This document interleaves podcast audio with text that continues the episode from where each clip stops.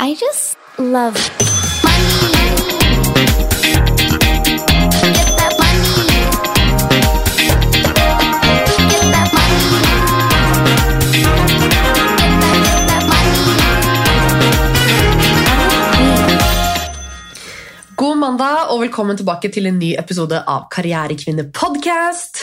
I dag så skal vi snakke om noe som vi faktisk ikke har prata så mye om før, men som plutselig har blitt en eh, stor trend på TikTok under hashtaggen UGC. Altså det her er et eh, yrke som man på godt norsk kaller for innholdsprodusent, markedskonsulent eller på god gammeldags eh, Instagram-engelsk content creator, men UGC er altså User Generated Content. I dag så har vi besøk av ei dame som har eh, 80 000 følgere på Instagram, og som lever av denne litt annerledes typen eh, influensermarkedsføring. Altså, det er på en måte influensermarkedsføring, men på en måte ikke. Det her skal vi snakke om i dag. Vi har besøk av 26 år gamle Julie Abrahamsen, og hun har jobba som det her eh, siden 2017, så hun fikk jo også litt sjokk når dette UGC-fenomenet og denne hashtaggen og dette yrket kom opp, for hun bare sånn Dette har jo jeg drevet med lenge. Så Julie Abrahamsen, velkommen til Karrierekvinner podcast! Tusen takk! Så gøy å være med! Ja, veldig, veldig hyggelig. Og du, altså det her syns jeg er så kult, for du bare sender en melding. Det her er jo bare right down your alley. Dette må du ha med. Og jeg bare ja! Og sånn som jeg sa til deg introduksjonsvis, plutselig så har jo det der UGC-fenomenet og ordet dukka opp overalt. Og det skjønte jeg at det var jo sånn du skjønte at å ja, det er det her jeg også jobber med. Ja, det var jo så gøy. liksom. Jobba med det i så mange år, og så nå har jeg plutselig fått en sånn hipp og trendy navn. Ok, da må jeg jo bruke det òg, da. ja. Det er jo litt, eh, litt nytt, men ok. Nei, men Det er så rått, og innholdet du lager er jo så fint. Eh, Men til de som ikke vet hvem du er, gi oss en liten eh, introduksjon. Hvem er Julie Abrahamsen? Ja, jeg er jo som du sa 26 år. Jeg kommer fra en veldig liten by på Sørlandet som heter Farsund. Så veldig langt sør. Veldig nydelig sørlandsdialekt. Ja, men, den er eh, så ja, fin. har- Ja, det håper jeg. det håper jeg.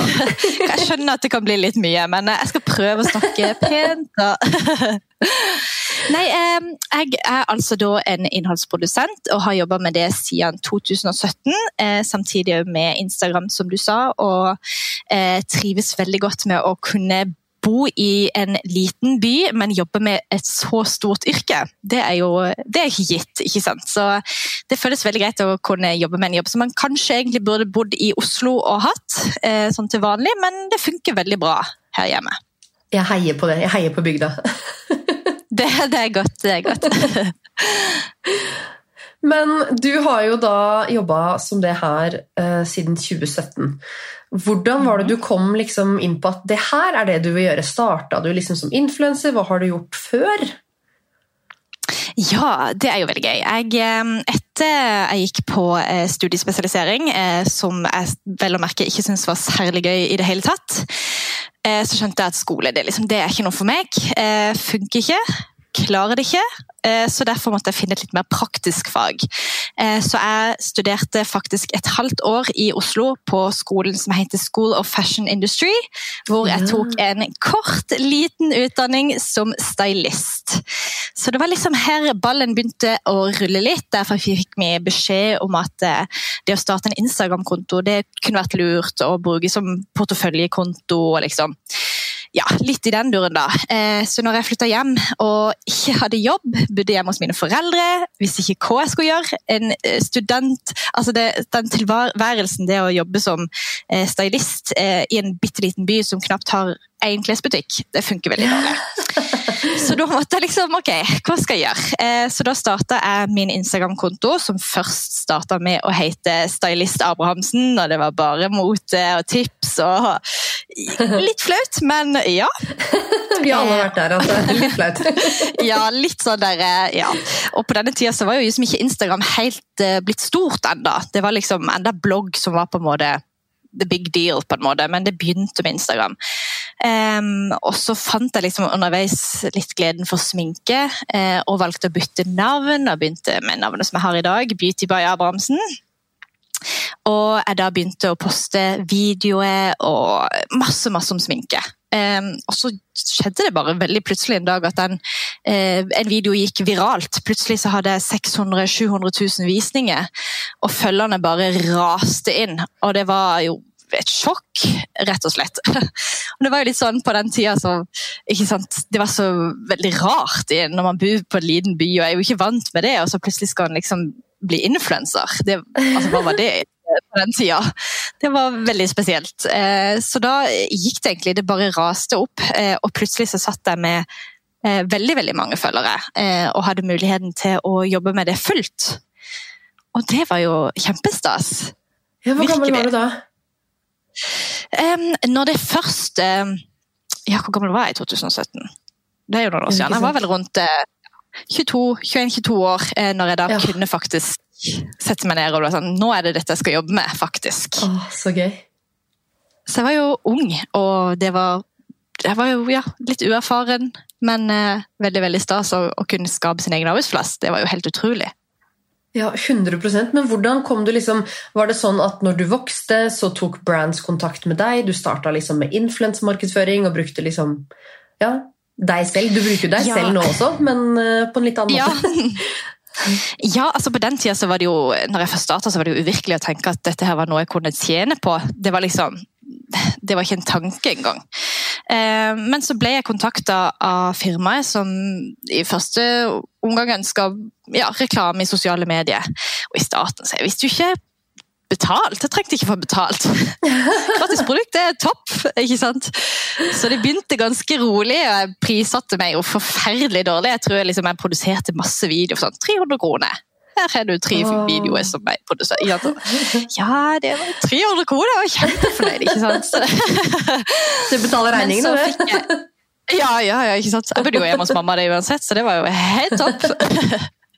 Eh, nei, og så, eh, så fikk jeg et eh, jobbtilbud fra et eh, distributørfirma som ønska en innholdsprodusent. Eh, og det var litt sånn, sånn jeg fikk liksom litt mer øynene opp for at ok, her kan jeg jo faktisk tjene penger. Dette kan bli en ordentlig arbeidsplass.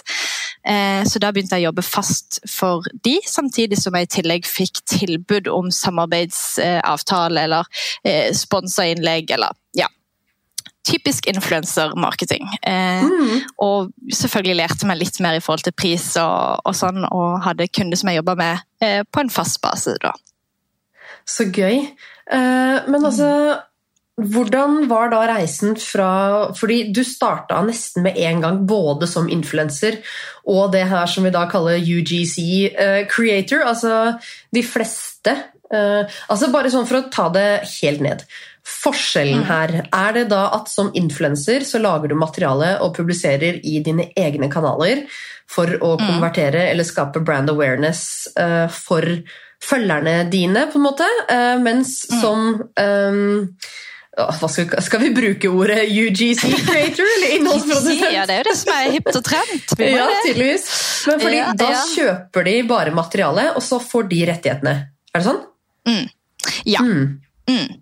Så det er jo en ganske sånn stor forskjell på en måte i forhold til det at eh, når du jobber som influenser, så er du jo på en måte avhengig av å ha høyt følgertall. Du er avhengig av at følgerne dine faktisk er aktive og du kan vise til god statistikk. Mens med UGC så er du jo på en måte bare avhengig av å produsere bra kvalitet. Og that's it. Ikke sant? Eh, Og hvordan har liksom uh, altså For det første, hvordan lærte du å prissette deg riktig? Nei, det har nok vært en reise eh, med erfaring. og så har det jo vært veldig fint å kunne mm, høre litt med andre i samme feltet. Eh, jeg har jo vært spesielt nå i det siste har vært i kontakt med byrået som jobber med dette fulltid, for å høre hva, altså, hvordan gjør dere det med pris. Er det timespris, ikke sant, en pakkepris?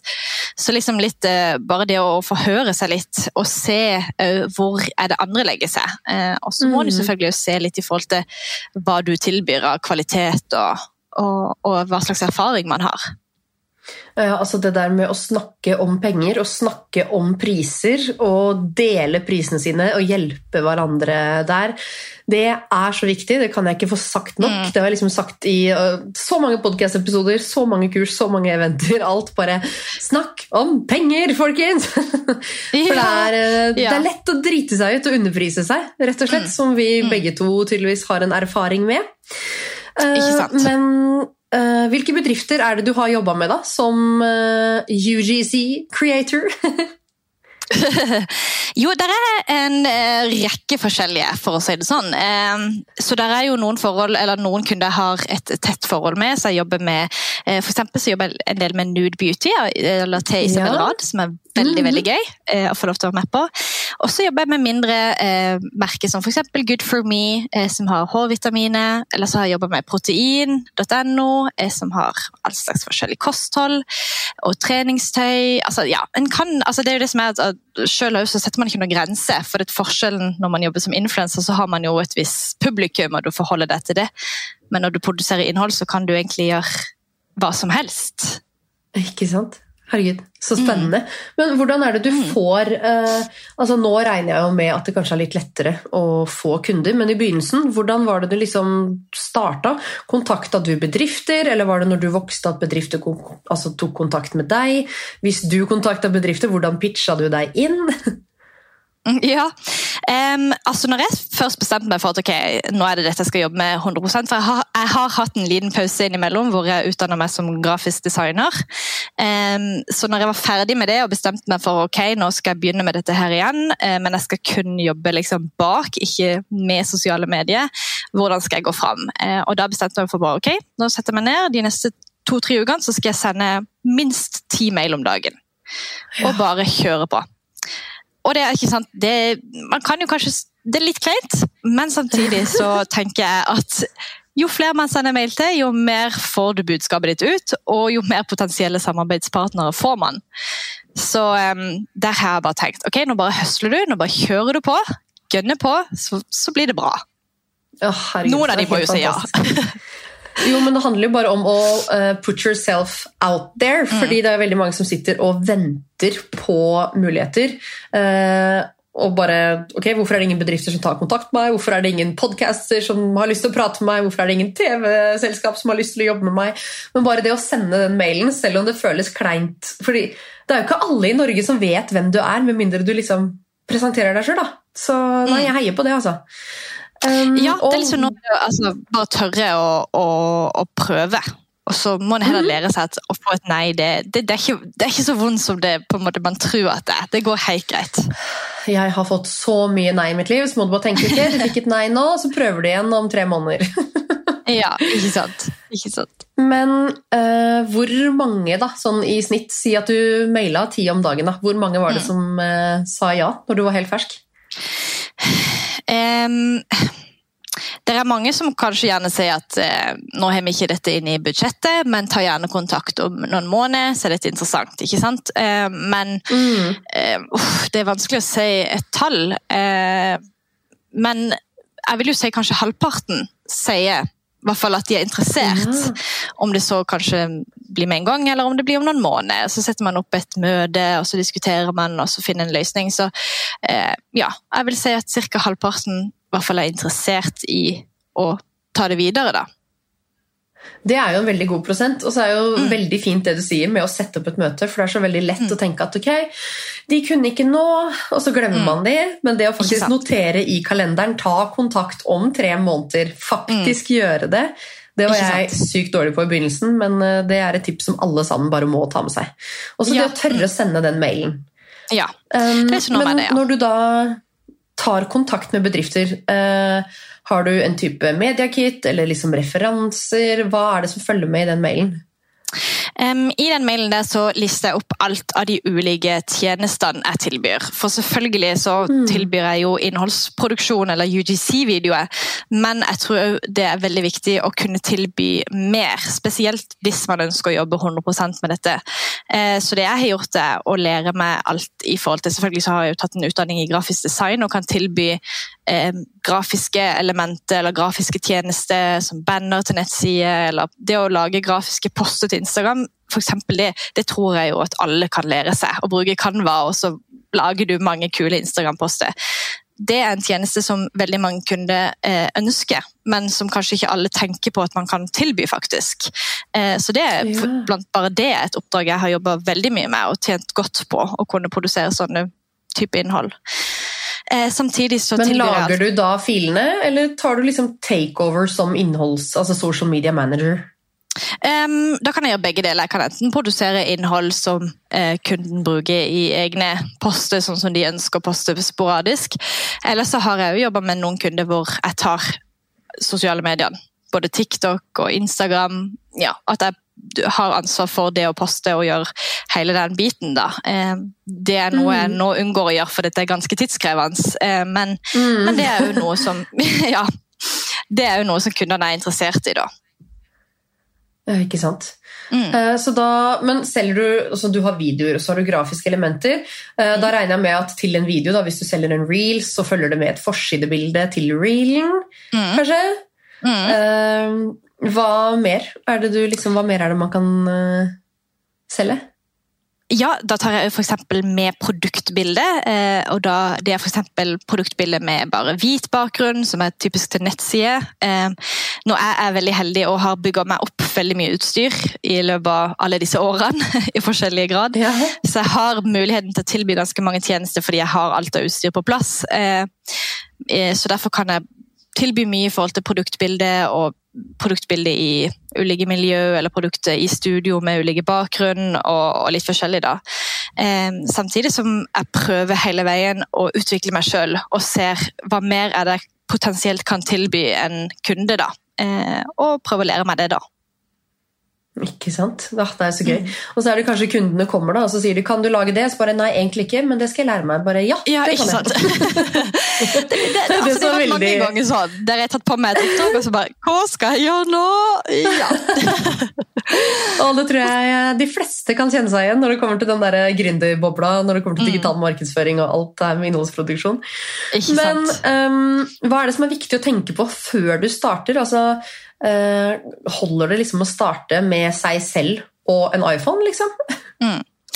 Em, I forhold til hva du bruker, så, så tror jeg at en iPhone det kommer du veldig langt med. Uh, I dag så bruker jeg nesten mest iPhonen min til å redigere videoer. fordi at uh, I dag for eksempel, så bruker jeg et program som heter CapCut, uh, som er tilpassa Mm. direkte til TikTok. Derfor får du TikTok sine skriftstørrelse og he hele skriftstilen. Så det funker veldig veldig bra, spesielt til UGC-videoer. Men samtidig så tror jeg det er veldig viktig at når man starter, at man lager en god portefølje, sånn at du har noe å vise til. Uavhengig om du har hatt noen kunder tidligere eller ikke. som I starten så fant jeg en maskara eller et eller annet i huset her, og så bare produserte jeg masse materiell eh, av det. Visste hvordan jeg satt og snakka Men- med denne her, eh, ikke sant? Eller tok bilde, eller liksom Ja, bare for å vise, lage en portefølje og vise kundene sånn dette her er det jeg kan, dette er det jeg kan levere, her er min kvalitet, ikke sant. Men Var det noe du posta noen plass da, eller var det noe som bare fulgte med i den mailen som gikk direkte til bedriften? Ja, det er jeg gjort faktisk. Eh, For det er jo veldig mange som lager portefølje på eksempel en nettside eller har en PDF-fil eller noe, men jeg valgte faktisk å bare lage en egen Instagram-konto eh, som kun er en porteføljekonto. Ikke en konto hvor jeg er opptatt av følger eller likes eller sånne ting. Det er bare en konto hvor her poster alt av content. Eh, Det gjør det lett for meg å sende til kunde som jeg ønsker å jobbe med. Her har du min portefølje, gå inn og se, se alt. Samtidig så er det jo en fin måte for meg å få kanskje nye kunder. For det har faktisk vært sånn at ny kunde har begynt å følge med. Så sender de kanskje meg en mail, eller så sender jeg deg en mail. Så, så ser de fort at ok, dette her er innholdet hun produserer, dette liker vi, eller ja. Utrolig spennende. Ja, det var jo veldig lurt, da. Det å bare ha en Instagram-konto uten å ha liksom fokus på ja, alle de følgerne. Ja, ikke Men, sant? Det, det er eh, veldig lett. Altså, det her er jo noe jeg lurer veldig på, som jeg vet veldig mange lurer på. Det her med rettigheter og jussen rundt materialet ditt. Altså, selger du, eh, selger du liksom hele ansiktet ditt og alle rettigheter og full pakke i en pris, eller er det liksom dette kan du bruke i tre måneder eller seks måneder, eller hvordan fungerer det? Det kan være litt forskjellig i forhold til de ulike kundene. Noen uttrykker jo i kontrakten at dette her er et spesifikt tidsrom, vi har rettigheter til å bruke dette i tre måneder, for eksempel. Mens noen kjøper kanskje full rettighet til å bruke det når som helst. Og det er ofte noe jeg eh, presiserer i eh, tilbudet mitt. Når jeg gir en pris, så gir jeg òg en pakkepris, og da inkluderer jeg rettighetene til å bruke den her. Eh, Som oftest så har jeg full rettigheter uten tidsbegrensninger, fordi at ofte så er videoene lagt opp til en kampanje, eller det er lagt opp til Valentine's Day, eller ikke sant. Så det, jeg vet at det vil ikke bli brukt så veldig mye mer enn det uansett. Eh, Og derfor så, så er det en fin ting å skrive i, i et pristilbud at her får dere full rettighet til å bruke det sånn som dere ønsker, f.eks. Det bruker jeg ofte som en unnskyldning. Hvis jeg, hvis jeg føler at jeg prissetter meg litt høyt, så sier jeg bare ja, så får dere full rettighet. Dere kan bruke det som dere vil. ja. Så blir de ofte Ja, for jeg syns jo det her med rettigheter faktisk er litt skummelt. For det er liksom eh, Si da at eh, Si hvis du plutselig da bestemmer deg for å eh, jobbe med noe annet, eller du bare plutselig en dag får eh, en rolle i Netflix-film og få fem millioner følgere på Instagram, og så kommer det en eller annen random bedrift som du lagde et eller annet for for sju år siden, og begynner å bruke trynet ditt på alt, liksom. Er det Ja. noe du tenker over, eller tenker du liksom bare sånn ja, ja? uh, ja, altså Det hadde jo vært supergøy å blitt uh, kjendis og vært med i en film. Det, det var det som jeg fanga meg på. Nei da. Nei, det, det er vanskelig. Ja, you never know, ikke sant? Eh, Nei da, det er jo vanskelig. Eller om en bedrift gjør noe altså, eh, om en bedrift gjør noe skikkelig skikkelig shady, og plutselig så bare bruker de ditt ansikt til markedsføring, og så har de gjort noe som du absolutt ikke kan stå innafor, og så er du på en måte fortsatt ansikt utad for en bedrift som du bare å, oh. Ja. ja, jeg har eh, faktisk vært borti sånne type kunder tidligere. og Da, da måtte vi bryte, eh, da, da hadde vi heldigvis ingen kontrakt som lå, og da ga jeg beskjed om at dette må fjernes med en gang. Dere har ingen rettighet lenger.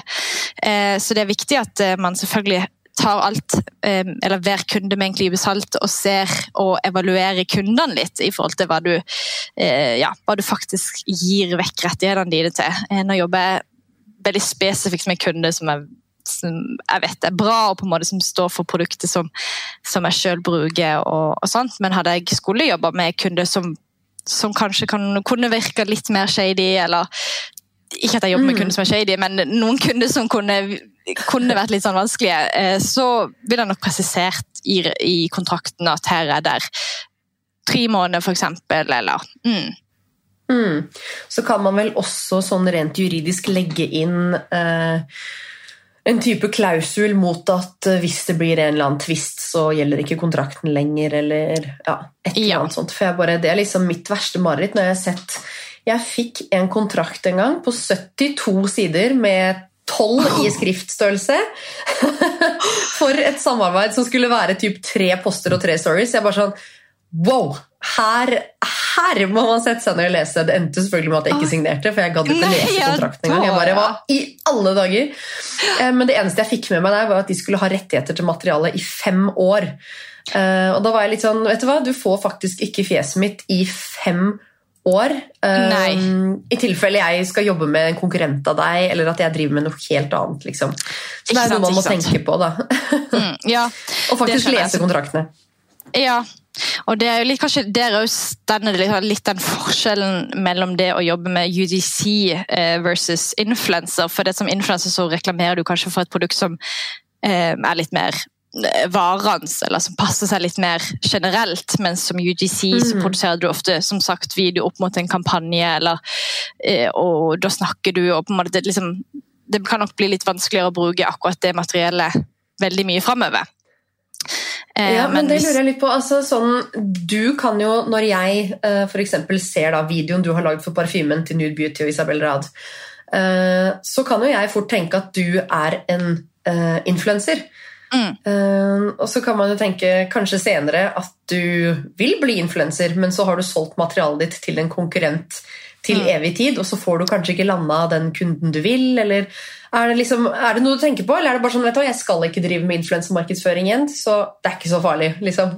Jeg tenker Ja. Fjeset ditt blir jo på veldig mye forskjellige ting sikkert etter hvert. Absolutt, og det merker jeg jo sjøl nå. òg. at det snart at det begynner å bli litt flaut å scrolle på TikTok og få opp trynet sitt. Eh, på en måte. Men samtidig så, så er det liksom the name of the game. Det er det som er jobben min. Eh, det er jo litt, Mm. altså, prøver på en måte å sammenligne det litt med eh, mennesker som jobber med reklame på TV, eller ikke sant, så er det jo på en måte det er jo, Nå jobber jeg innen reklamebransjen og syns det er greit. Det går bra for meg at mitt Mm. tryne er på TikTok, eller ikke sant, men det er klart at det er jo et valg man må ta og være klar over før man binder seg opp til det, fordi at videoen de pushes, og du får de med deg, og det gjør alle rundt deg òg. Ja, ja, ja.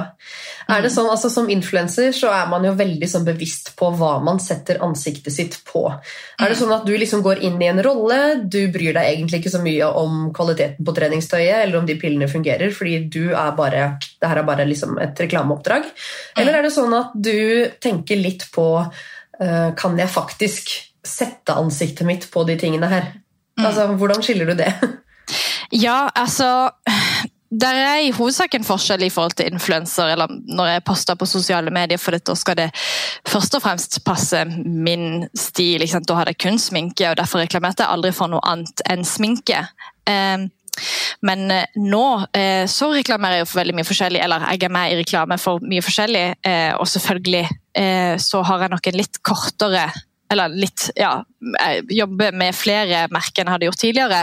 Men samtidig så er jeg jo veldig opptatt av at reklamene lager, ikke er for kunder som kanskje har et dårlig rykte på seg, eller har gjort visse Mm. ting som ikke, ikke er bra, eller at produktene, når jeg får det, at jeg ser at dette her funker jo bare ikke. Så selvfølgelig så må Nei. man jo ta det litt Man må jo se altså Vil du faktisk ha trynet ditt på denne reklamen, eller vil du ikke? Ja, ikke sant? Nei, for Det er litt Mm. spennende å høre. for man tenker liksom, ok, Hvis du går inn i den At du bare tar på deg en rolle, da, så er det sånn ja, ok, da, Kjør på kollagenpulver og uh, hårfredningslaser som kanskje ikke funker. Det er samme søren, for det er jo bare en reklame. Det er jo ikke meg som influenser. Men for ut, utsiden da, så er det kanskje veldig lett å si at ja, men hun anbefalte den. sånn. Ja, ikke sant? Det blir jo fort en sammenligning. Ja, ikke sant? Ja, det, det, det er klart det. Så det, det er liksom litt sånn man må ta en vurdering på sjøl eh, hva man ønsker og at ansiktet ditt skal faktisk utad vise fram til. Men samtidig så, eh, så tenker jeg sjøl at det er en forskjell fordi at jeg ikke poster og reklamerer om det i mine kanaler. Men, Mm. men samtidig så er jo det noe man må tenke over. Ja, det er bare, bare interessant å lære. Men Mm, eh, siden vi snakka om det her med at vi skal være åpne om priser, uh, har du lyst til å fortelle meg noen av prisene dine? Hvordan de er eh, nå? Og, og om de øker jo mer ansiktet ditt blir kjent, eller jo flere følgere du får, selv om det her er to separate ting. Eh, Hva du tenker rundt det? Ja, eh, altså først og fremst så øker prisene mine etter hvert med tida fordi at min erfaring blir rikere og min kunnskap blir bedre. Og eh, jeg prissetter meg ut ifra kvaliteten jeg leverer. Eh, og det er klart at det øker jo jo mer kunder man har.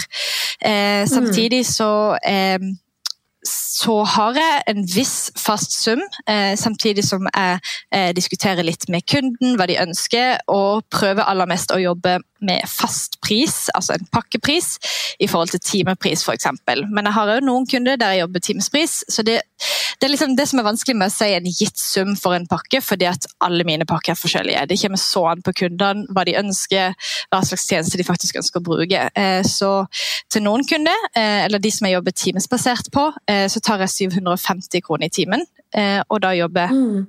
Eh, ja, eh, dette er kun hvis jeg har et fast samarbeid, eh, ellers så vil man kanskje ikke tjene så veldig mye på det. Eh, og jeg hvis jeg produserer kun videoer, sånn som en UGC-video, eh, så tar jeg eh, 3000 per video. Mm. Ja, for det har jeg skjønt liksom er den summen man skal legge seg på. For jeg har jo også fått mye tilbud om å eh, lage videomateriale for bedrifter uten at jeg skal poste det selv. Og Ja. det er altså uten unntak alle bedrifter, uansett hvor liten eller stor jeg har vært, har tilbudt 3000 kroner for en type reel. Ikke sant, ja. Ja, ja eh, det er jo ja, det, Jeg tenker jo at uansett så har man eh, Dere alltid spillerom eh, for å øke litt. Eh, og jeg tenker Det jeg ofte gjør med kunder, er at jeg først hører her hva er budsjettet deres for denne, Mm. denne, opp- denne jobben her. Og hvis de sier 2000, så sier jeg ja, jeg går ikke lavere enn 3000. Eh, Eller hvis de sier 5000, så sier jeg ja, da blir det 8000. på en måte. Hvis man Mm. forhandler med en pakkepris. Så det handler litt om at det kanskje ofte kan være lurt å, å høre først hvor de legger seg, sånn at man ikke legger seg veldig lavt. Eh, også da i tillegg si, når, når de sier en pris som kanskje er lav, da, så sier de ja, nei, jeg, eh, hvis vi kan si 6000, så er det greit. Og da er de ofte miljølige. De legger seg ofte lavt for å håpe at du bider på. Og så, ja, ok da, vi kan øke litt. Ja, sånn er det jo alltid. Både, både Mm. som influenser og som bedrift. At man eh, Ja. forhandler så mye, man legger seg så mye lavere enn dit man egentlig kan gå. Så hvis en bedrift sier ja, jeg har dessverre bare 2000 i budsjett, så bare sånn Ok, du har i hvert fall fire, kanskje seks. ja, ikke sant? så det å ikke bare Ja. sånn Ok, det, Ja, det kan absolutt være, være lurt. Ja. Um, du har jo snakka litt om eh, at du har en egen ehm, konto som du ikke er liksom så opptatt av å få følgere og likes på. Mm. men hvordan, Vi har snakka litt om hvordan du får kunder og synlighet og de tingene her. Men hvordan kan en person da, som sitter her nå og hører på oss nå, eh, hva ville du gitt av råd sånn hvis denne personen skulle starte liksom, neste uke? da? Mm.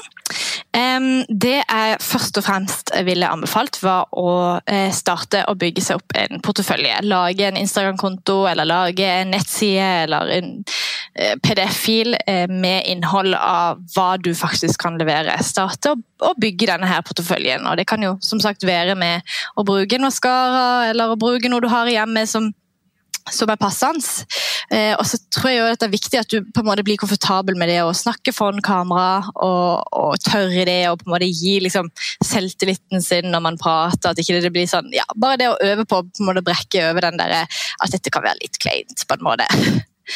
Eh, Samtidig så tror jeg kanskje det kan være lurt å lære disse redigeringsprogrammene, sånn som CapCut og det å kunne bruke Canva kan være kjempelurt.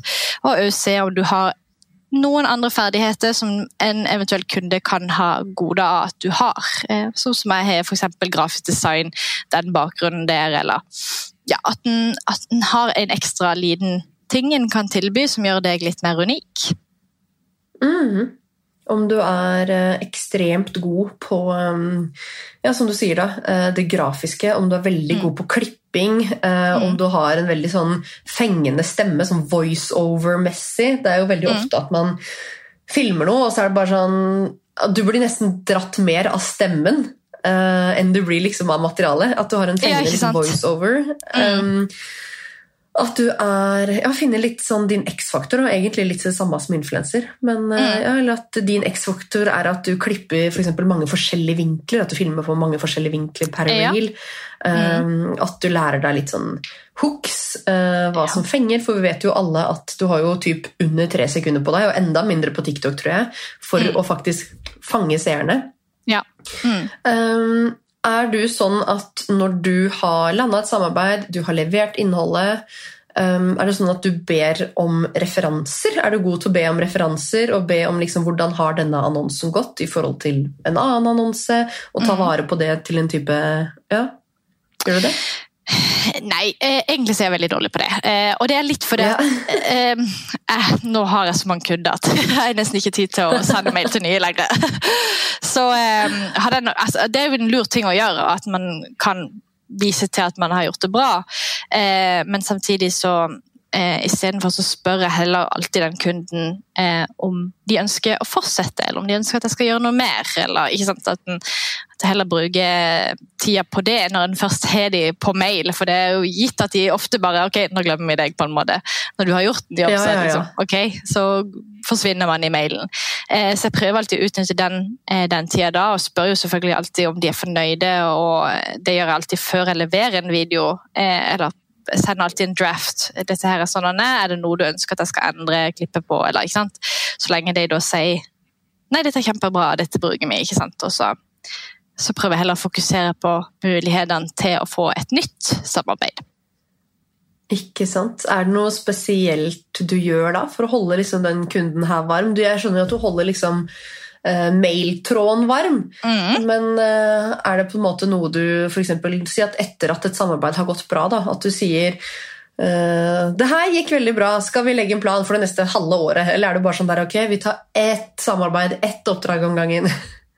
Ja, nei, Da prøver jeg jo alltid å utnytte situasjonen med å eh, være litt kreativ sjøl. Komme med forslag. Altså, det har jeg merka har vært en stor gevinst. Det å si sånn Ja, vi er ferdig med dette, men så tenkte jeg at hvis jeg lager den og den videoen på denne her måten her, og bruker de lysene eller de sånn og sånn, altså, komme med masse ideer og forslag til dette her hadde vært en bra video, ikke sant? Eh, så biter de ofte på, og de skjønner at ok, her, hun vet hva hun snakker om, vi lar henne gjøre denne jobben her. ikke Ja, sant? ja. Så selv om man kanskje ikke er altså det er liksom, Man er kanskje ikke den beste, men, men det å bare, bare være overlegen og bare ja, ja, men den her, den ideen her, og sånn, og kaste liksom ut forslag, så, så, så biter de ofte på. Ja, ikke sant. Nei, men Det der er så lurt, og det gjelder jo egentlig uansett hva du driver med i salg og markedsføring. Det med å se en kundes behov, kanskje før de ser det sjøl, Mm. og så dekke det. Hvis du som UGC, creator. Hvis du da tenker at um, ok, nå sitter jeg her, hvilke bedrifter er det jeg kan kontakte? Og Mm. så sitter du der kanskje, da, kanskje du har en klesstørrelse 44, da, si at du har en klesstørrelse 44, og så går du inn Mm. på uh, nettsida til et eller annet treningsmerke, uh, og så ser du oi, dere har jo bare promotert modeller som er ekstra small. Uh, jeg kjenner meg ikke igjen i noe av innholdet deres. Der har Mm. du jo liksom et unique selling point da, som du kan pitche inn. Så det Absolutt. å um, analysere liksom bedriften Mm. Hva er det bedriften mangler? Hva kan jeg dekke her? Eller hvilke produkt er det de selger som de har markedsført dårlig? Kanskje bare et bilde i feed, eller ja. Ikke Så, sant? um, Det er en sånn fin måte man kan eh, finne kunder på. òg. liksom at eh, altså, UGC er jo ofte basert på Facebook-ads eller TikTok-ads, og du får jo de opp når du scroller. Mm. Og det er ofte sånn at jeg, når, jeg, når jeg ser en ad, sant, så ser jeg ok, dette her er denne kunden, her kunne jo jeg gått inn og laga en video. Så sender jeg en mail til dem. For det er ofte de kundene der som, er, som driver med Facebook-ads eller som driver med TikTok-ads, som er eh, faktisk rette kunde da, å kontakte. Ja, ikke sant? Nå gir du litt for mange gode tips her. Nå skal vi stjele alle kundene deres, folkens. Nei, da. Ja, ja, ja, ja. Nei, men det er et veldig Nei, men det er jo et veldig godt tips. eh, For Mm. de vet jo allerede hva det dreier seg om. Det å um, pushe annonser og ja, bruke forskjellige fjes. Veldig lurt. Mm, absolutt. Nå har du levd av det her siden 2017. Ja, jeg har hatt ett år imellom hvor jeg jobber 100% som digital markedsfører. eh, Men ellers Ja. så har jeg det, ja. Så gøy. Hvordan har det, altså, hvordan har det vært? Har du vokst deg større og større, tjent mer og mer hvert år, eller har det liksom vært ja, ganske greit? Har det vært noen perioder hvor du har vært litt bekymra? F.eks. under pandemien vet jeg jo veldig mange som drev med salg og markedsføring, fikk jo helt panikk. Hvordan har det vært for deg?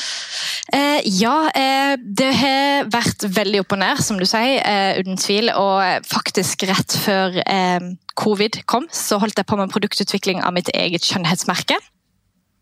Fabrikken var selvfølgelig i Italia, og jeg var på vei ned omtrent. Men så brøt ut, eh, brøt ut en pandemi. Eh, og da, da ble det liksom bare en sånn en eh, fullstendig endring. Eh, samtidig på det tidspunktet så ble jeg singel eh, og måtte flytte ut. Eh, og mista på en måte litt eh, disse- ja, liksom alle tingene som gjorde at det var lett å bare være kreativ. ikke sant? Så da bestemte jeg meg bare for at nå, nå tar jeg bare litt avstand. Eh, puste litt, finne, finne meg sjøl litt på ny, eh, og valgte da å starte dette nettbaserte kurset, eller nettbaserte utdanninga med grafisk design. Samtidig som at jeg kunne igjen finne gleden med eh, sosiale medier eh, og Instagram, da. Ja, det hørtes jo helt nydelig ut, og både liksom businessplanene dine og starte singellivet midt under pandemi når du ikke kan møte andre folk. Eller. Ja, det er Veldig gøy. Men veldig eh, det man lærer da, som eh, selvstendig næringsdrivende, det er at når én dør lukkes, så åpnes jo veldig mange andre, som regel. Ikke sant? Man blir jo kreativ. Man blir tvunget til å bli veldig kreativ, og så har man jo tid til det når man ikke jobber en 8-4-jobb. Men det er jo veldig kult. Du har jo rett og slett gått nesten rett ut av videregående du, og gjort alt du har hatt lyst til nesten hele veien. Ja, det har jo gått utrolig greit, faktisk. Så det er jo toppen. Jeg har alltid sagt det, liksom, at det har vært viktig for meg. Og jeg husker liksom læreren på skolen var liksom sånn Nei, du må ha gode karakterer, du må inn på skolen. Jeg bare sånn meh, bare vent. Nei. Dette skal jeg klare helt fint. Men har du liksom gått på noen skikkelig blemmer, eller driti deg ut, eller blitt blitt eh, altså, svindla av en bedrift, eller har det skjedd noe på veien som liksom har vært sånn Å, shit.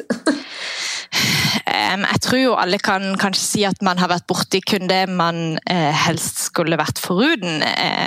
Så det kan jeg nok si at jeg har erfart. Eh, og det har vært en av grunnene til at jeg ønsker litt ekstra å heie fram kvinner i business. For det at jeg ser en så stor forskjell på kvinnelige gründere.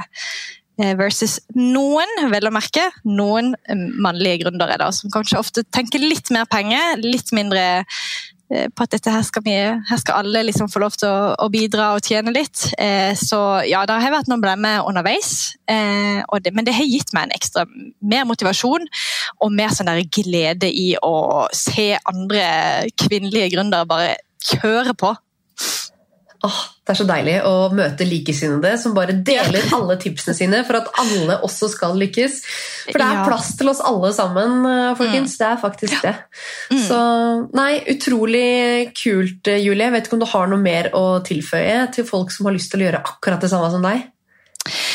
Nei, jeg tror jo altså det jeg prøver å si til alle, er det å bare tørre å ta en sjanse. eh, Tørre å gå ut av komfortsonen.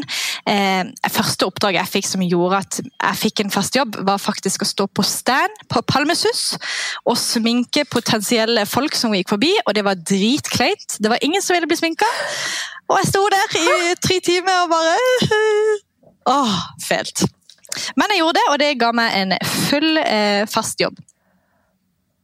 Herregud, så gøy. Jeg skjønner ikke hvorfor folk takka nei til det, men eh, det får være opp til Ja. dem. Ja, De var kanskje opptatt med andre ting. ikke sant? Det er forståelig. Ja, jo, jo.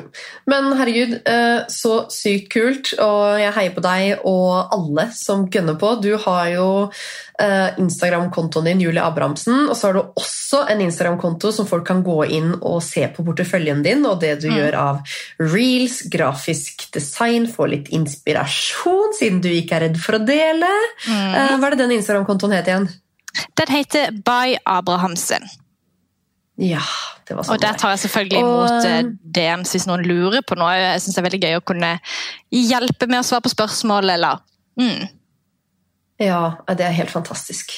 Eh, og så regner jeg med at de fleste har sett ansiktet ditt nå. Jeg vet ikke hvor mange ads jeg har sett deg i nå. Eh, veldig gøy! Sist med parfymen til Nude Beauty og Isabel Rad. Så veldig gøy. Så gå inn der, bli inspirert, spør Julie om dere lurer på noe. Eh, og så er det bare å hoppe ut i det. Du trenger ikke å ha utstyr til 50 000 kroner før du kommer i gang. Det er, eh, som du sier, bare å ta noen julegaver du fikk, og ja, begynne å lage innhold. Bygge portefølje, Mm. portefølje, rett og slett. Veldig kult at du kom til Karrierekvinner og delte din erfaring og dine tips, Julie. Det er vi veldig glad for. Så må dere komme dere inn og følge Julie Abrahamsen på Instagram og bli inspirert. Yes, det var veldig koselig. Veldig hyggelig. Og til neste gang, folkens, følg Julie Abrahamsen, Benikte Haugård.no og Influencer Pro og Equal Agency, så snakkes vi som vanlig neste mandag. Ha det bra! I just love money.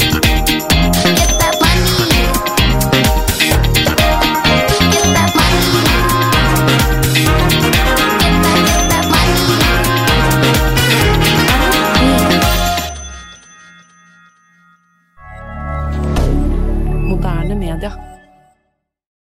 Har du et enkeltpersonforetak eller en liten bedrift? Da er du sikkert lei av å høre meg snakke om hvor enkelt det er med kvitteringer og bilag i fiken, så vi eh, gir oss her, vi. Fordi vi liker enkelt. Fiken superenkelt regnskap.